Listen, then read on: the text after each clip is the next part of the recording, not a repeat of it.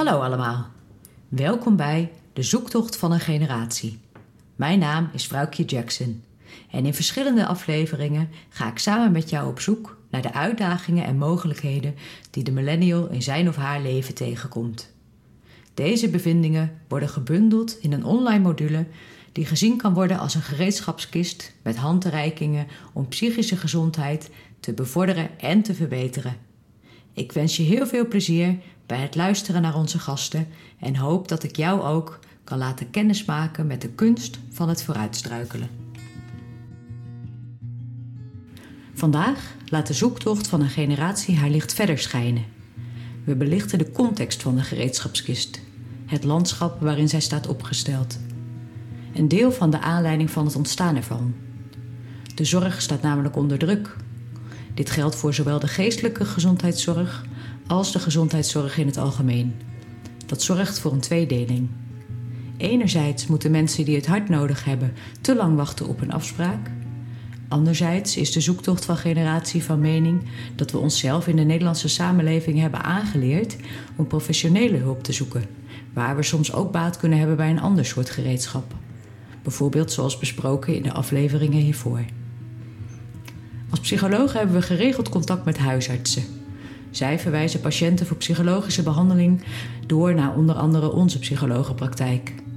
Dit maakte mij nieuwsgierig naar de manier waarop zij omgaan met de druk op de zorg. En daarom ging ik op zoek naar een jonge huisarts, om samen met hem of haar te onderzoeken hoe zij daarmee omgaan. Welk gereedschap kunnen we vanuit hun oogpunt aanbieden aan de patiënt?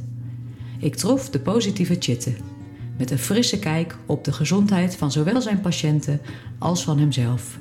Luister je mee? Van harte welkom vandaag in de podcast Chitte Verbeek van Buren. Mag ik vragen om jou zelf even voor te stellen? Ja, dankjewel. Nou ja, mijn naam is inderdaad Chitte Verbeek van Buren. Ik ben huisarts in de stad Groningen, in de binnenstad, aan uh, de Rade Singel. Uh, en het zijn van huisarts hier in de binnenstad betekent dat je heel veel jonge mensen in de praktijk hebt. Heel veel studenten en mensen die uh, net afgestudeerd zijn of net werkend zijn. Ook wel veel jonge gezinnen.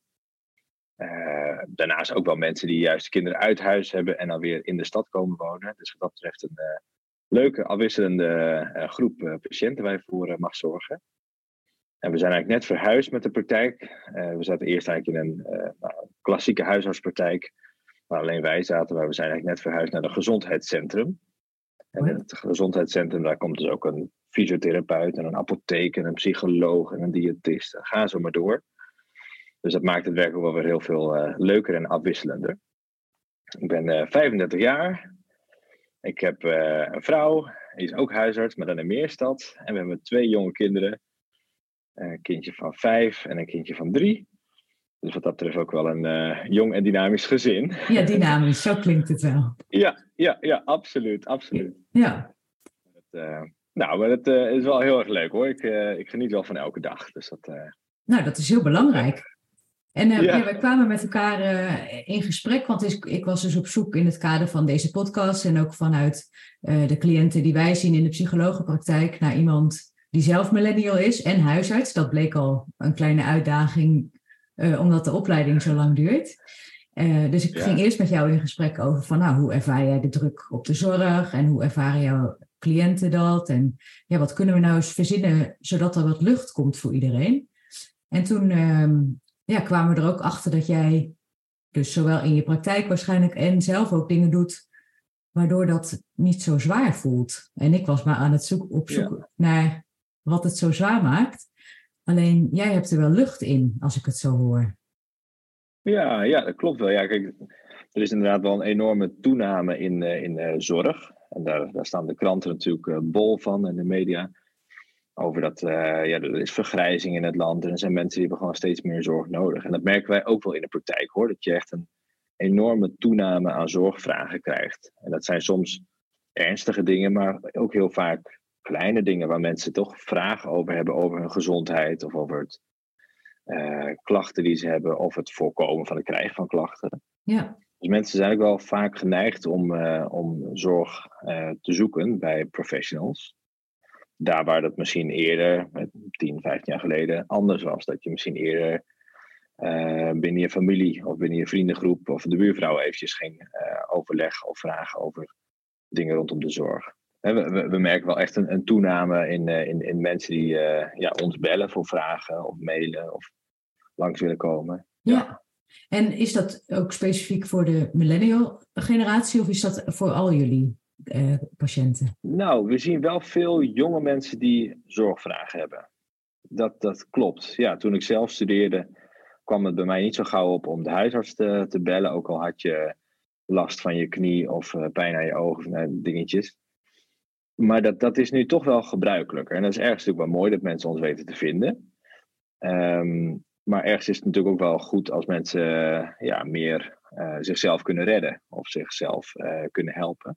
Ja. En je zou zeggen, ja, met, met, uh, met alle informatie die er op internet te vinden is, Dr. Google zo gezegd, hè, zou je zeggen, ja, waarom is er dan zoveel behoefte dan toch aan zorg? het kan best zijn dat mensen dan toch verdwalen in, in alle informatie die er is en dat ze een beetje ja, begeleiding zoeken of regie zoeken daarin. Ja. En dat dat, uh, dat dat misschien wel uh, ook een vraag is naar ons toe. Van hoe, kun, hoe kunnen we daarmee omgaan en hoe kunnen we de mensen toch het beste helpen. Ja. En uh, dat, dat geldt zowel voor lichamelijke klachten, sportletsels of dat soort dingen. Maar ook wel psychische klachten. En dat mensen misschien ja, toch wel eerder geneigd zijn om hun leven ook te vergelijken met plaatjes op Instagram of op, op Facebook en TikTok. Dat mensen hun eigen leven daarmee een beetje gaan vergelijken. In plaats van dat ze hun eigen leven vergelijken met dat van hun, hun vrienden en vriendinnen.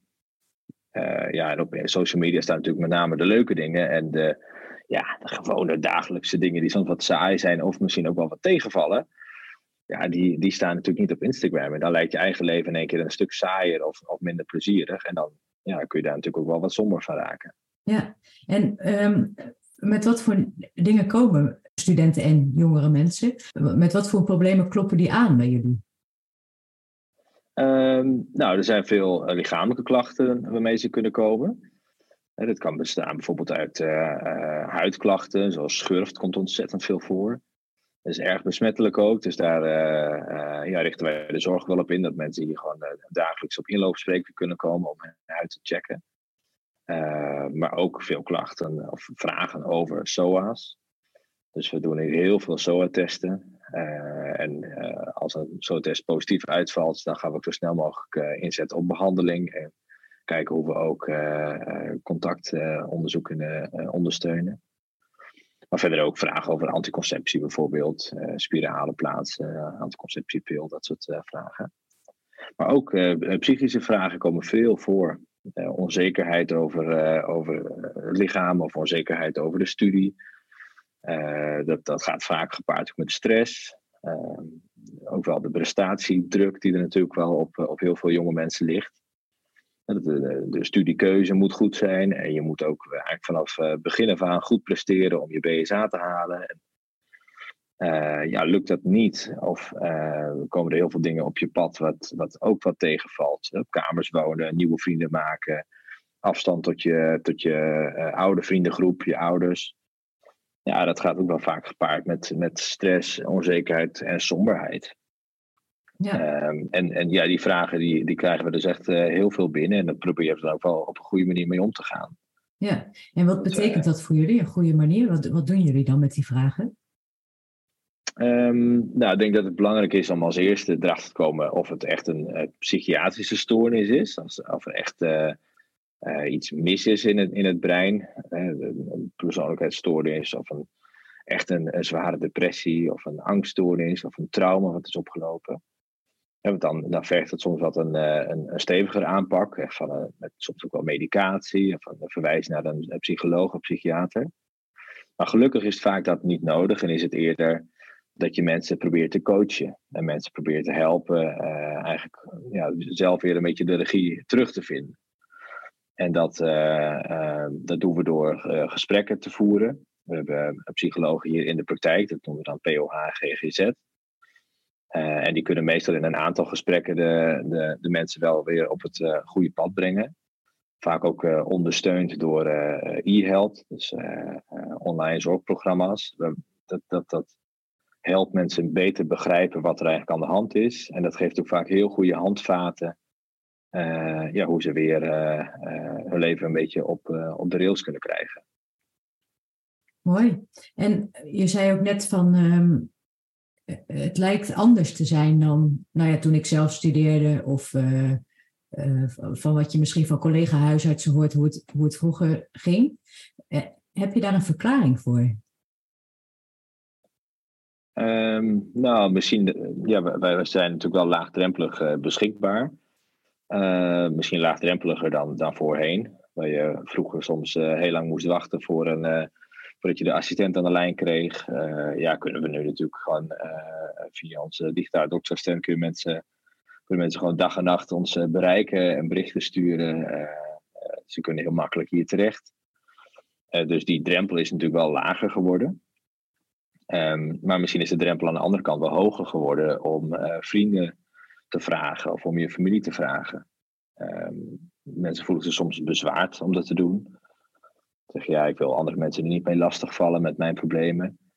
Uh, en het is ergens ook wel jammer, want als je nou juist dat soort dingen wel bespreekbaar maakt, dan blijkt heel vaak dat mensen dat soort klachten ook wel eens hebben gehad. Dat ze ook wel eens onzeker zijn of verdrietig of somber. Uh, en het kan juist een hele opluchting betekenen als je dat wel dus doet. En wel met elkaar bespreekt. En uh, ja, ook, ook dus wat dat betreft de soms wat negatieve dingen van het leven ook bespreekbaar maakt ik denk dat dat wel een, een ding is waar we weer een beetje meer naartoe moeten. Ja. Dat we dat soort dingen mm, ja, meer accepteren en meer, uh, ja, meer met elkaar durven bespreken. Ja. Ja, dat is denk ik een hele, een hele goede. En ook dat je zegt, aan de ene kant is de drempel lager. Dus we zijn veel makkelijker bereikbaar, willen dat ook zijn als huisartsenpraktijk, wat heel mooi is, denk ik. En aan de andere kant is die drempel dus hoger om, om bekende dingen te vertellen. En heb je ja. Een idee hoe dat zou kunnen zitten? Nou, misschien dat schaamte toch wel een stukje meespeelt. Uh, onzekerheid. Uh, als, je het, uh, als je het van andere mensen niet hoort dat het, dat het iets is om bijvoorbeeld ja, somber te zijn of om, om paniekaanvallen te hebben. Ja, dan denk je van ja, dat is echt heel raar. En ik, ik moet hier met niemand over praten, want dan wordt het alleen maar. dan, dan, dan, dan val ik helemaal buiten de boot. Ja. Terwijl juist als je er niet over praat, uh, dan voel je je eenzaam en voel je je alleen en denk je, ja, dit, dit gaat nooit meer over. Terwijl dat vaak helemaal niet het geval is. Heel vaak gaan dat soort dingen gelukkig wel over. Uh, en is het juist uh, bevrijdend en, en opluchtend om er wel over te spreken. Ja. En als je dat doet, dan opent dat vaak wel weer het gesprek voor anderen en de, en de, de mogelijkheid voor anderen om dit te bespreken. En vaak is in, in een vriendengroep van tien mensen zijn er wel twee of drie die toch wel bepaalde psychische uh, symptomen hebben. En dat hoeven geen, geen psychiatrische diagnose te zijn, maar dat kan best wel klachten zijn die mensen hebben. Onzekerheid, stress, spanning, paniekaanvallen. En als je daar dus wel over durft te spreken, dan is dat soms ook een uitnodiging voor anderen om er ook over te spreken. En samen sta je dat betreft wel sterk. Ja, dat klopt helemaal. meer te normaliseren. Ja, ja en dat, dat merken we ook in de training die wij dan uh, geven, vliegensvlug vooruitstruikelen. Dat mensen beginnen met, oh, ik ben vast de enige en ik ben, uh, ik ben gek en uh, niemand anders heeft dit. En zodra ze merken ja. dat mensen allemaal wel iets hebben, misschien niet hetzelfde, maar wel iets waar ze ook tegenaan lopen, ja, ja, dan komt er veel meer verbinding. Ja, ja ik, ik moedig het altijd wel aan als mensen in de spreekkamer zitten en ze vertellen over hun klachten dan moedig ik het altijd wel aan om het uh, te delen met een vriendengroep, met hun ouders, met zelfs soms met een partner. En die durven het soms niet eens te vertellen. Ik moedig het heel erg aan om dat toch te vertellen. En, en ja, je merkt echt wel een, een, een enorme drempel voor mensen. Maar als je dan uitlegt dat het dus ontzettend vaak voorkomt en dat er waarschijnlijk veel meer mensen in een vriendengroep zijn die ook dit soort klachten hebben waar ze zelf niet over durven te vertellen, dan heb je vaak toch wel dat mensen zeggen, nou ja, ik ga, ik ga het toch proberen. En als je ze dan een, een, een week of wat later spreekt en zegt, ja, ik heb het toch verteld. En wat blijkt nou? Toch een vriendin van mij die had het ook. Of een vriend van mij, of mijn vader zei dat hij dat vroeger ook had. Nou, dat is soms zo'n opluchting. Dat, dat geeft zo'n zo'n verlichting. Dan is het inderdaad niet meer dat je alleen bent. En dan is het niet meer gek of raar. Maar dan ben je gewoon een van de vele mensen die hier ook last van heeft. En dan is het ook veel fijner om daar ook op voor te borduren. En dan helpt het ook om, om inderdaad uh, die, die online cursussen te doen of om, om, om in een, een, groep verder te spreken. Of soms om één op één met een psycholoog nog, uh, nog verder te spreken. Maar dan is het in ieder geval niet meer zo raar. Ja, dus echt proberen de mensen aan te moedigen, uh, normaliseren denk ik dus ook. Uh, ja, steunen, misschien niet, niet oordelend erover te zijn. Zijn dat dan dingen die je probeert te doen in zo'n gesprek? Ja, ja, absoluut. En ja, daarmee ook weer een beetje de, uh, de, klachten van een, van een andere kant proberen te bekijken. Te kijken van ja, wat, wat, wat hangt er nog meer aan vast? Ja, je ervaart het op ene manier, maar het zijn vast heel veel andere manieren om er ook naar, naar te kijken. Ja, uh, oké, dat helpt in ieder geval heel erg. En wat, ja. Want als ik jou zo hoor bijvoorbeeld over uh, schurft, wat is het probleem is zo onder studenten. Dus dan zeggen jullie niet van, kom we gooien de poorten allemaal dicht, want het, is, het wordt ons veel te, veel te druk, veel te, veel te stressvol allemaal met zoveel patiënten en die zo makkelijk contact opzoeken. Eigenlijk doen jullie de deuren juist open en ga je kijken van hoe, hoe gaan we om met die nieuwe stroom, met die veranderende stroom van patiënten. En hoe doen jullie ja. dat? Ja, nou, dat, dat, dat geeft juist ook wel weer uh, energie hoor, om, uh, om uh, al deze mensen te zien en te kunnen helpen met hun, hun klachten. Um, inderdaad, bij, bij Schurf heb je ontzettend veel mensen die zeggen: Ja, ik heb vrij plotseling jeuk gekregen en ik zie bultjes of hangertjes en ik vertrouw het niet, want de, de vrienden van mij hebben ook Schurf, zou ik het niet hebben. En dan is het natuurlijk ontzettend vervelend als je dan één of twee weken moet wachten totdat je huisarts een keer tijd heeft om eraan te kijken. Dus we zeiden, ja, we moeten daar toch iets anders op verzinnen. Dus we hebben uh, in onze uh, praktijk hebben personeel erop getraind. En we hebben apparatuur aangeschaft, uh, een, soort microscoopcamera, waarbij je dus heel goed kunt kijken of er meidjes leven en of er daadwerkelijk sprake is van schurft. en daarvoor hebben we dan een, een inloopspreekuur gecreëerd. Er zijn er op een dag uh, twee mensen tegelijkertijd die bijna niks anders doen dan mensen met schurft beoordelen. Kijken of er nog levende meidjes zijn en ze dan van een goed advies voorzien. En dat is vaak smeren met permatinecrème of gel. En soms is het ook nog een behandeling met pillen daarnaast. Pillen alleen is niet zinvol, maar pillen en crème soms wel.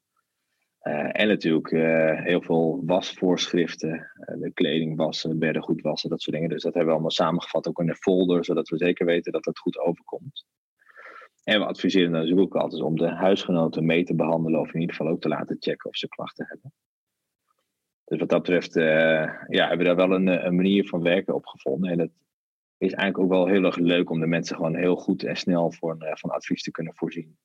Ja, dus op, op die manier ervaar ik het ook niet als een hele erg druk, om eerlijk te zijn. Ik, uh, ik vind het eigenlijk wel heel leuk. Uh, en ik merk ook in het team dat we dat ook, uh, ook leuk vinden om dat zo te doen. zeker omdat mensen er goed voor, voor zijn geschoold en zijn getraind. Ja, dan zie je dat mensen ook helemaal ja, tot hun recht komen binnen zo'n zo'n praktijk hè, als, als medewerker. Ja. Ja, dat is wel echt heel mooi hoe, de, hoe jullie dat aanvliegen. Want dus die, je, ja, die schurft, als dat leeft nu, uh, ja, wij zitten in Groningen, hè, dus onder de Groningse populatie, ja, dan is dat er gewoon ja. uh, een poos. Uh, en wat, wat is dan die switch in jou waarvan je denkt, oké, nu wordt dit te veel, of er komen te veel mensen om het in onze reguliere manier van werken te doen? Dus wat is het moment waarop je denkt, dit moet anders? En niet vanuit help ik verzuip erin, maar vanuit, nou leuk, laten we het eens even op een andere manier proberen. Ja, nou, dat is denk ik echt wel een, een, eh, een, eh, een, proces wat al door doorgaat. We hebben een, een, eh, een jong en dynamisch team hier. Ehm, en eigenlijk is geen dag hier hetzelfde. Als we hier de, erachter komen van hey, er, het spreekuur loopt, uh, loopt wat sneller vol dan, dan gepland. Uh, daar gooien we zo snel mogelijk een, een kamer, uh, maken we klaar en zetten we daar een nieuwe medewerker die ook de patiënten kan zien. als we merken dat in de digitale doktersastent vragen anders worden beantwoord of dat we zeggen, hey, dit, dit wordt toch verkeerd begrepen, dan passen we zo snel mogelijk die vraag ook aan. Dus het is eigenlijk gewoon een, ja, een, een proces wat constant doorgaat. En ja, we proberen de zorg omdat de zorgvraag best wel hoog is, zo efficiënt mogelijk in te richten, zodat mensen niet lang hoeven te wachten voordat ze terecht kunnen. En dat ze snel worden geholpen.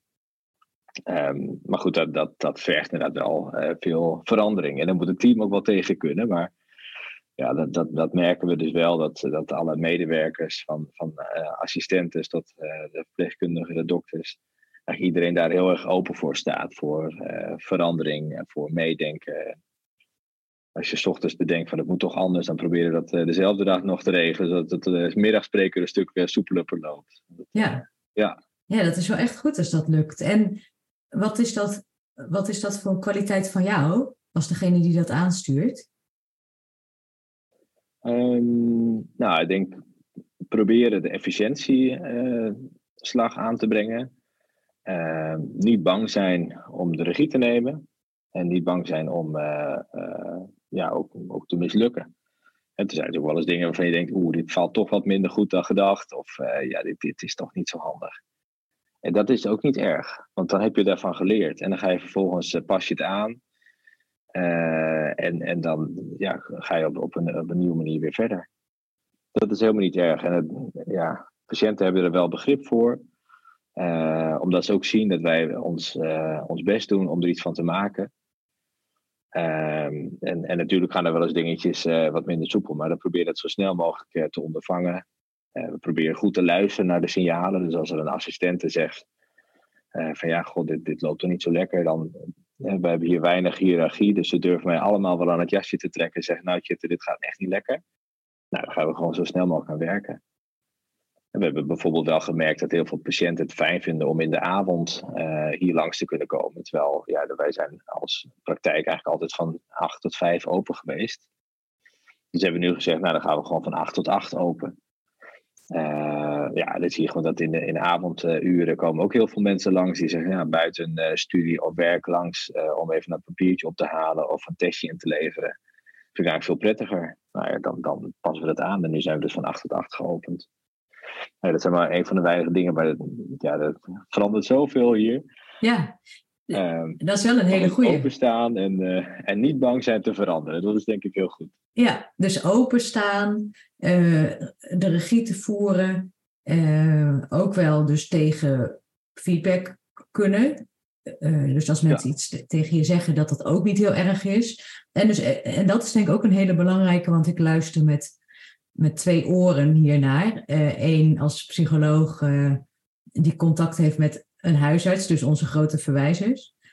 Uh, en ook dus twee als, um, ja, als ontwikkelaar van de training om te kijken van hoe, ja, hoe doen we nou, hoe kunnen we nou dingen anders doen? En voor jouzelf is dat dus denk ik ook dubbel. Dus je kan niet uh, splitsen wie jij bent als mens van wie je bent als huisarts. Dus je staat open voor, voor verandering en, en durft ja, dingen aan te gaan. En ik denk dat de, onze cliënten en dus waarschijnlijk ook jouw patiënten dat super moeilijk vinden. Om de, de angst om het niet goed te doen, om te falen ergens in. Ja, ja nee, dat klopt. Ja. En, ja, ehm, dat, dat speelt, speelt, inderdaad ook in de, in de angst om, het, uh, om de problemen te delen. Dat, uh, waar we het net over hadden, dat, dat speelt ja. er ook heel erg een rol in. Ja. Want in feite is het aangeven dat dingen niet goed gaan, voelt voor sommige mensen als falen. Terwijl het eigenlijk, denk ik, juist een kracht kan zijn. Ja. En dus dat is echt de groeimindset. Dus niet van dit wordt het niet en het zal nooit wat worden, maar ik ben nu hier en we doen ons best om ergens anders weer verder te komen. Ja, ja. ja. En dan neem je dus ook de mensen om je heen aan uh, ja, die, dat, die dat ook fijn vinden. Ja, ja, klopt. Die er ook voor openstaan om, uh, om, om de praktijk verder te brengen die mij echt durven aan te spreken van dit loopt niet lekker. En dat kunnen de, de medewerkers zijn, het kunnen ook patiënten zijn die feedback hebben. Dat vind ik ook heel belangrijk. mensen die, uh, die kunnen ook via de uh, digitale doksassistent wat aangeven of gewoon via de balie. Uh, neem ik altijd ook heel erg serieus. Uh, maar natuurlijk ook de feedback van mijn vrouw en van mijn kinderen. Als zij, als zij dingen tegen me zeggen, dan probeer ik ook heel goed naar te luisteren. Want zij zijn ook hele belangrijke spelers in mijn uh, leven. Ja. dus dat, ja, dat neem ik wel heel erg mee. Ja. ja. En is dat iets wat, wat in jou zit? Of heb je dat jezelf aangeleerd onderweg? Um, nou, het zit denk ik altijd wel een beetje in je. Maar je, um, als je positieve ervaringen hierin weet op te doen, dan word je daar wel sterker in gestimuleerd. Voel je daarin gesteund. Dat is natuurlijk altijd een beetje lastig, want het is een soort vicieuze cirkel. Durf te falen. Ja, daarvoor moet je eerst een paar keer falen en merken van hé, hey, dat is eigenlijk helemaal niet zo erg om te falen. Dus het, ja, je moet het eigenlijk toch een keertje proberen. Ja, daar, daar komt het er altijd op neer, hè? Ja, ja, ja. En ja, misschien is daarom ook het, het, het samen, uh, samen falen is natuurlijk minder eng dan alleen falen. Dus uh, daarom is het delen van die klachten, dat blijft toch echt wel een heel belangrijk ding. Ja. In het dagelijks leven. En in, in, ja, of je nou klachten hebt of niet, maar het samen, samen bespreken van je leven. Leuke dingen, maar ook vooral de, de saaie dingen of de dingen die tegenzitten. Ik denk dat dat wel heel, uh, heel belangrijk is. Ja. Ja, dus zowel voor jouw patiënten is het belangrijk om nou ja, toch maar je huisgenoten te vertellen dat je schurft hebt. Ook al zit je daar totaal niet op te wachten natuurlijk. Uh, en ook voor jou als, als huisarts in het parallelproces om dus ook met je, met je collega's, met de patiënten, met je gezin ook te bespreken van goh, ja, hoe gaat dit allemaal? Ja, absoluut. En zijn we op de goede weg? En um, we begonnen met de druk op de zorg. Hè? Uh, dus dan komt die vraag weer terug bij mij van, nou ja, het staat overal, de wachtlijsten zijn overal heel lang. En zou jij zeggen dat je druk ervaart? Um, nou, als, als praktijk merk je inderdaad dat de zorgvraag toeneemt. Maar als mens ervaar ik niet dat de, de, de druk op mij enorm toeneemt. Nee. Ja, dat komt denk ik inderdaad vooral door het, team wat je hebt. Het is, een, uh, het is een best wel groot team inmiddels. Maar je probeert iedereen ook uh, in, in zijn kracht te zetten. Dus voor een huisarts is het misschien niet zo uitdagend om de hele dag de huid te beoordelen of er nou schurft zit. Uh, maar als je assistenten daarop traint, uh, dan vinden ze dat een hele leuke afwisseling van het uh, werk aan de telefoon. Dus daar, daarmee zetten ze ze echt in zijn krachten, in hun kracht. En dat vinden ze echt heel erg leuk.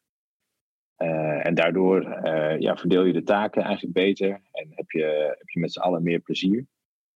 Um, en nou, het werkt natuurlijk wel efficiënt natuurlijk als je zo'n inloopspreker hebt waar mensen gewoon meteen gezien kunnen worden. Dat, dat, ja, dat werkt eigenlijk voor alle partijen heel prettig. Dus door die efficiëntie en, en het uh, taken verdelen in het team, mensen goed scholen, openstaan voor de feedback. En uh, ja, daardoor is eigenlijk elke dag ook wel weer heel erg leuk. Ja, dus het klinkt niet alsof jij je er zorgen om maakt. Want als we de kranten aan het lezen zouden zijn, dan, um, um, ja, dan, dan klinkt het alsof dat steeds nijpender wordt. Dat er een zorginfarct komt of dus dat we het allemaal niet meer aankunnen. Maar dat, dat hoor ik niet in jou. Nee, nee, nee dat, dat ervaar ik inderdaad niet zo. Nee. we proberen natuurlijk ook wel zorg juist uit het ziekenhuis te houden. Um, we hebben bijvoorbeeld een beweegspreekuur voor mensen die eigenlijk naar de orthopeed zouden willen of naar de sportarts. Dan hebben we hier een huisarts die is juist gespecialiseerd in het bewegingsapparaat. En samen met een uh, fysiotherapeut die ook echo's kan maken. Uh, proberen die mensen uh, die dus eigenlijk naar het ziekenhuis zouden, proberen we dan hier te zien. En dan zie je eigenlijk dat je heel veel verwijzingen kunt voorkomen. En dat scheelt natuurlijk druk in het ziekenhuis. De patiënt die hoeft niet lang te wachten, want die kan vaak dezelfde week nog terecht. Kost geen eigen risico. Uh, nou, op zo'n manier probeer je natuurlijk ook wel weer wat bij te dragen aan het voorkomen van zo'n zorginfarct. Hetzelfde doen ook voor uh, chirurgische ingrepen of het uh, plaatsen en verwijderen van spiralen of uh, hormoonstaafjes, implanon. Dat soort dingen, daar hoeven mensen allemaal niet voor naar het ziekenhuis. Dat doen wij hier gewoon allemaal. Ehm, nou, ik denk wel dat we daarmee ook wel een, een bijdrage kunnen leveren aan het een, een, een ja, betaalbare en beheersbare zorg. Ja, wat goed. Dus je ziet eigenlijk dan mogelijkheden telkens? Is dat wat er gebeurt? Ja. Dus niet een, een, probleem, maar het is gewoon zo en hoe lossen we dat op? Ja, ja je probeert eigenlijk het probleem een beetje voor te zijn. Dus, uh, je, je, ziet natuurlijk een trend van hey, meer mensen komen hier met, uh, met uh, klachten over het bewegingsapparaat. Bijvoorbeeld sportletsels of klachten van, van de rug, de knieën. En ja, al die mensen kunnen niet, niet snel terecht bij, bij de orthopeed. Dus dan moeten we daar zelf iets voor, voor organiseren. En dat wordt dan heel erg gewaardeerd, want het vraagt natuurlijk ook natuurlijk aan uh, patiënten wat ze ervan vinden. Ja, en dan kun je daarop voortborduren. Ja. Echt een goede oplossing. En nu heb je, eh, want ik ben dan toevallig in jouw pand geweest, maar daar hebben jullie ook de ruimte dan straks voor. Ja, absoluut. Ja, ja, het leuke is ook dat je hier ook uh, uh, de samenwerking krijgt met de diëtist en met een logopedist en een podotherapeut, de psycholoog, de psychiater. Je krijgt natuurlijk heel veel disciplines in zo'n gebouw, um, waardoor je ook veel efficiënter uh, kunt werken met elkaar. Um, maar het gaat denk ik ook verder dan alleen maar een soort bedrijfsverzamelgebouw, waar je gewoon allemaal losse zorgverleners in een gebouw hebt, want dat heb je natuurlijk ook vaak. Uh, hebben we bijvoorbeeld hier ook een, uh, een, een, gezamenlijke lunchroom en koffieruimte. En ik denk dat dat ook heel belangrijk is voor de verbinding. Dus dat je met elkaar zit, dat je met elkaar ook zegt van ja, goh, ik had vanochtend nog een patiënt en die had uh, deze deze klacht. Wat zou jij doen? Of heb je misschien vanmiddag nog een plekje om die patiënt te zien? Of heb je een idee wat we daar mee, mee aan kunnen? Dat werkt natuurlijk ook super leuk en heel leerzaam, zowel voor, voor ons als huisartsen, maar ook voor de apothekersassistenten of juist voor de, de cardioloog die hier dan spreken komt doen of voor de gynaecoloog. Nou, noem het maar op. Voor iedereen is het denk ik hartstikke leuk en leerzaam. Ja, dus als we kijken, hè, want in deze, in deze podcast zijn we altijd op zoek naar een, naar een gereedschap. Dus wat we de, de millennial aan kunnen bieden. Dus wat, wat kan de millennial nou al zelf doen om te voorkomen uh, ja, dat die in, in ons geval de psychische gezondheid uh, verslechtert. Of, uh, of als het al wat minder is, om daar weer wat uit te krabbelen. En ja. nou ja, in jouw eigen persoonlijke ervaring als millennial en als, in, in je ervaring als huisarts, wat denk je dat er, dat er nodig is voor de mensen om ze weer wat lucht te geven? Nou, ik denk dat het, het belangrijkste, wat we net ook wel hebben genoemd, is, is om dingen te delen met elkaar. Ik denk het, uh, het bespreekbaar maken van je eigen ervaringen, je klachten.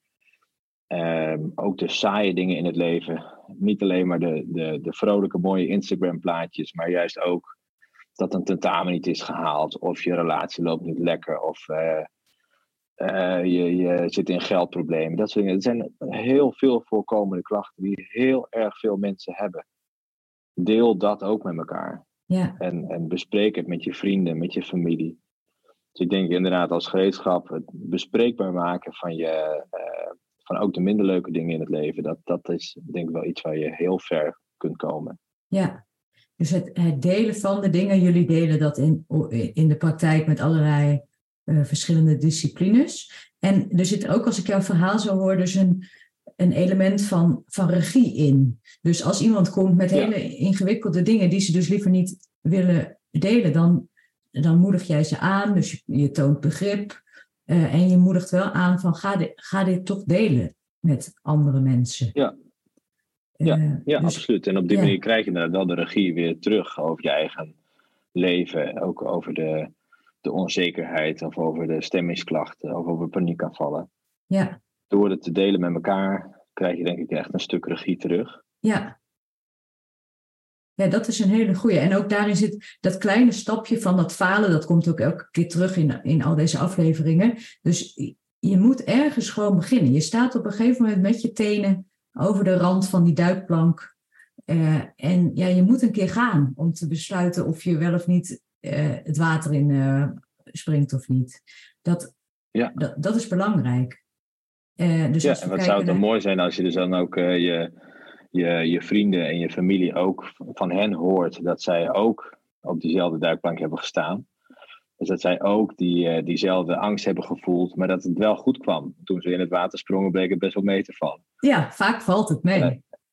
ja, en, en, ja. en, en, is dat echt wel heel erg uh, grote opluchting en kun je daarmee ook verder. Ja, ja en uh, ja, dus dat, dat is belangrijk. En dus je krijgt de regie terug als je gesprongen bent. Maar eigenlijk heb je dus ook de regie op het moment dat je springt. Dus jij kan kiezen. Jij kan kiezen of je je huisgenoten wel of niet vertelt of je schurft hebt. En wij als professional weten dat het waarschijnlijk als je gesprongen bent allemaal, allemaal beter is. Of, of in ieder geval dat het opluchting kan brengen. Nee, door, door het inderdaad dan te delen met elkaar, ook, uh, ook als het achteraf uh, mee bleek te vallen, of dat, dat de behandeling goed is aangeslagen, of dat je uh, klachten hebt gehad, maar dat het nu een stuk beter met je gaat. ook dat is natuurlijk prachtig om dat wel te kunnen delen. Want dat, Ja. dat opent zoveel deuren voor andere mensen weer. Ja. Dus je helpt er andere mensen ook echt mee. Ja, dat is ook wel een goeie, want dat, dat vergeet je misschien ook als je er zelf middenin zit. Eh, maar dat het uiteindelijk ook andere mensen weer aan kan zetten. Als zo'n zo'n steentje in het water met zo'n, eh, ja, die kringen. Ja. Ehm, Ja, zeker. ja, dus als ik, als ik hoor hoe jij het in, in contact met je patiënten vormgeeft en dus ook in je, in je praktijk, wat ik een hele mooie nieuwe manier vind om, eh, om naar problematiek, of nou ja, problematiek, misschien naar de dingen die spelen in de samenleving te kijken, vind ik regie voeren wel een, een, een goed woord. Dat blijft bij mij wat hangen. Ja, Dus ja. eh, wat zou je ervan vinden als dat het gereedschap voor vandaag wordt? Nou, dat, eh, dat lijkt me uitstekend. Ja, ja. Ik, eh, ik hoop dat we daar veel mensen mee kunnen helpen. Dat hoop ik ook. gereedschap. Ja. Ja. En wat, wat zou Ja, je dan dus zeggen? Dus als dit het gereedschap regievoer is, wat, dus stel er luistert hier iemand die denkt, nou, ik heb ook wel beginnende klachten en ja, ik zit gewoon niet zo heel lekker in mijn vel. Wat, wat moet ik nou doen? En dan geef jij ze het gereedschap regievoeren.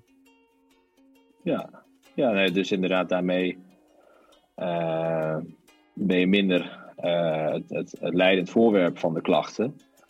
Maar ben jij gewoon een persoon die toevallig dat met die klachten heeft. En eh, ja, door de, de regie weer op te pakken en het probleem te delen met andere mensen en te kijken wat je eraan kunt doen. Eh, het zij door, door dus eh, professionele hulp te zoeken, het zij door eh, zelf de, de ervaring van anderen daarin te, in te betrekken. Ik denk dat ontzettend kan helpen om, om ook weer sneller van de klachten af te komen. Je bent niet alleen, je hoeft het niet alleen maar zelf te ondergaan. Er zijn, er zijn veel met, me- manieren en, en hulpmiddelen om er weer van af te komen. Ik denk dat dat een hele mooie boodschap is. Mooi. Ja, en mag ik je hartelijk danken voor jouw, ehm, ja, voor, je- voor je verhalen en je openheid. En ja, ook de, het inkijkje in hoe jij eh, je, je praktijk voert en, eh, en het ook beleeft als, als mens. Dat eh, vind ik heel mooi om te horen. Heel graag gedaan. Zo, dat was hem. Bedankt voor het luisteren. Ik ben benieuwd waar jij het gereedschap van vandaag voor gaat gebruiken. En wil je meer weten? Stuur me dan een berichtje op LinkedIn of volg ons via je favoriete podcast-app. Mocht je nou zelf ideeën hebben over bepaalde gereedschappen waarvan jij denkt dat de millennial daar baat bij kan hebben, laat het me weten. Tot de volgende keer. Doeg!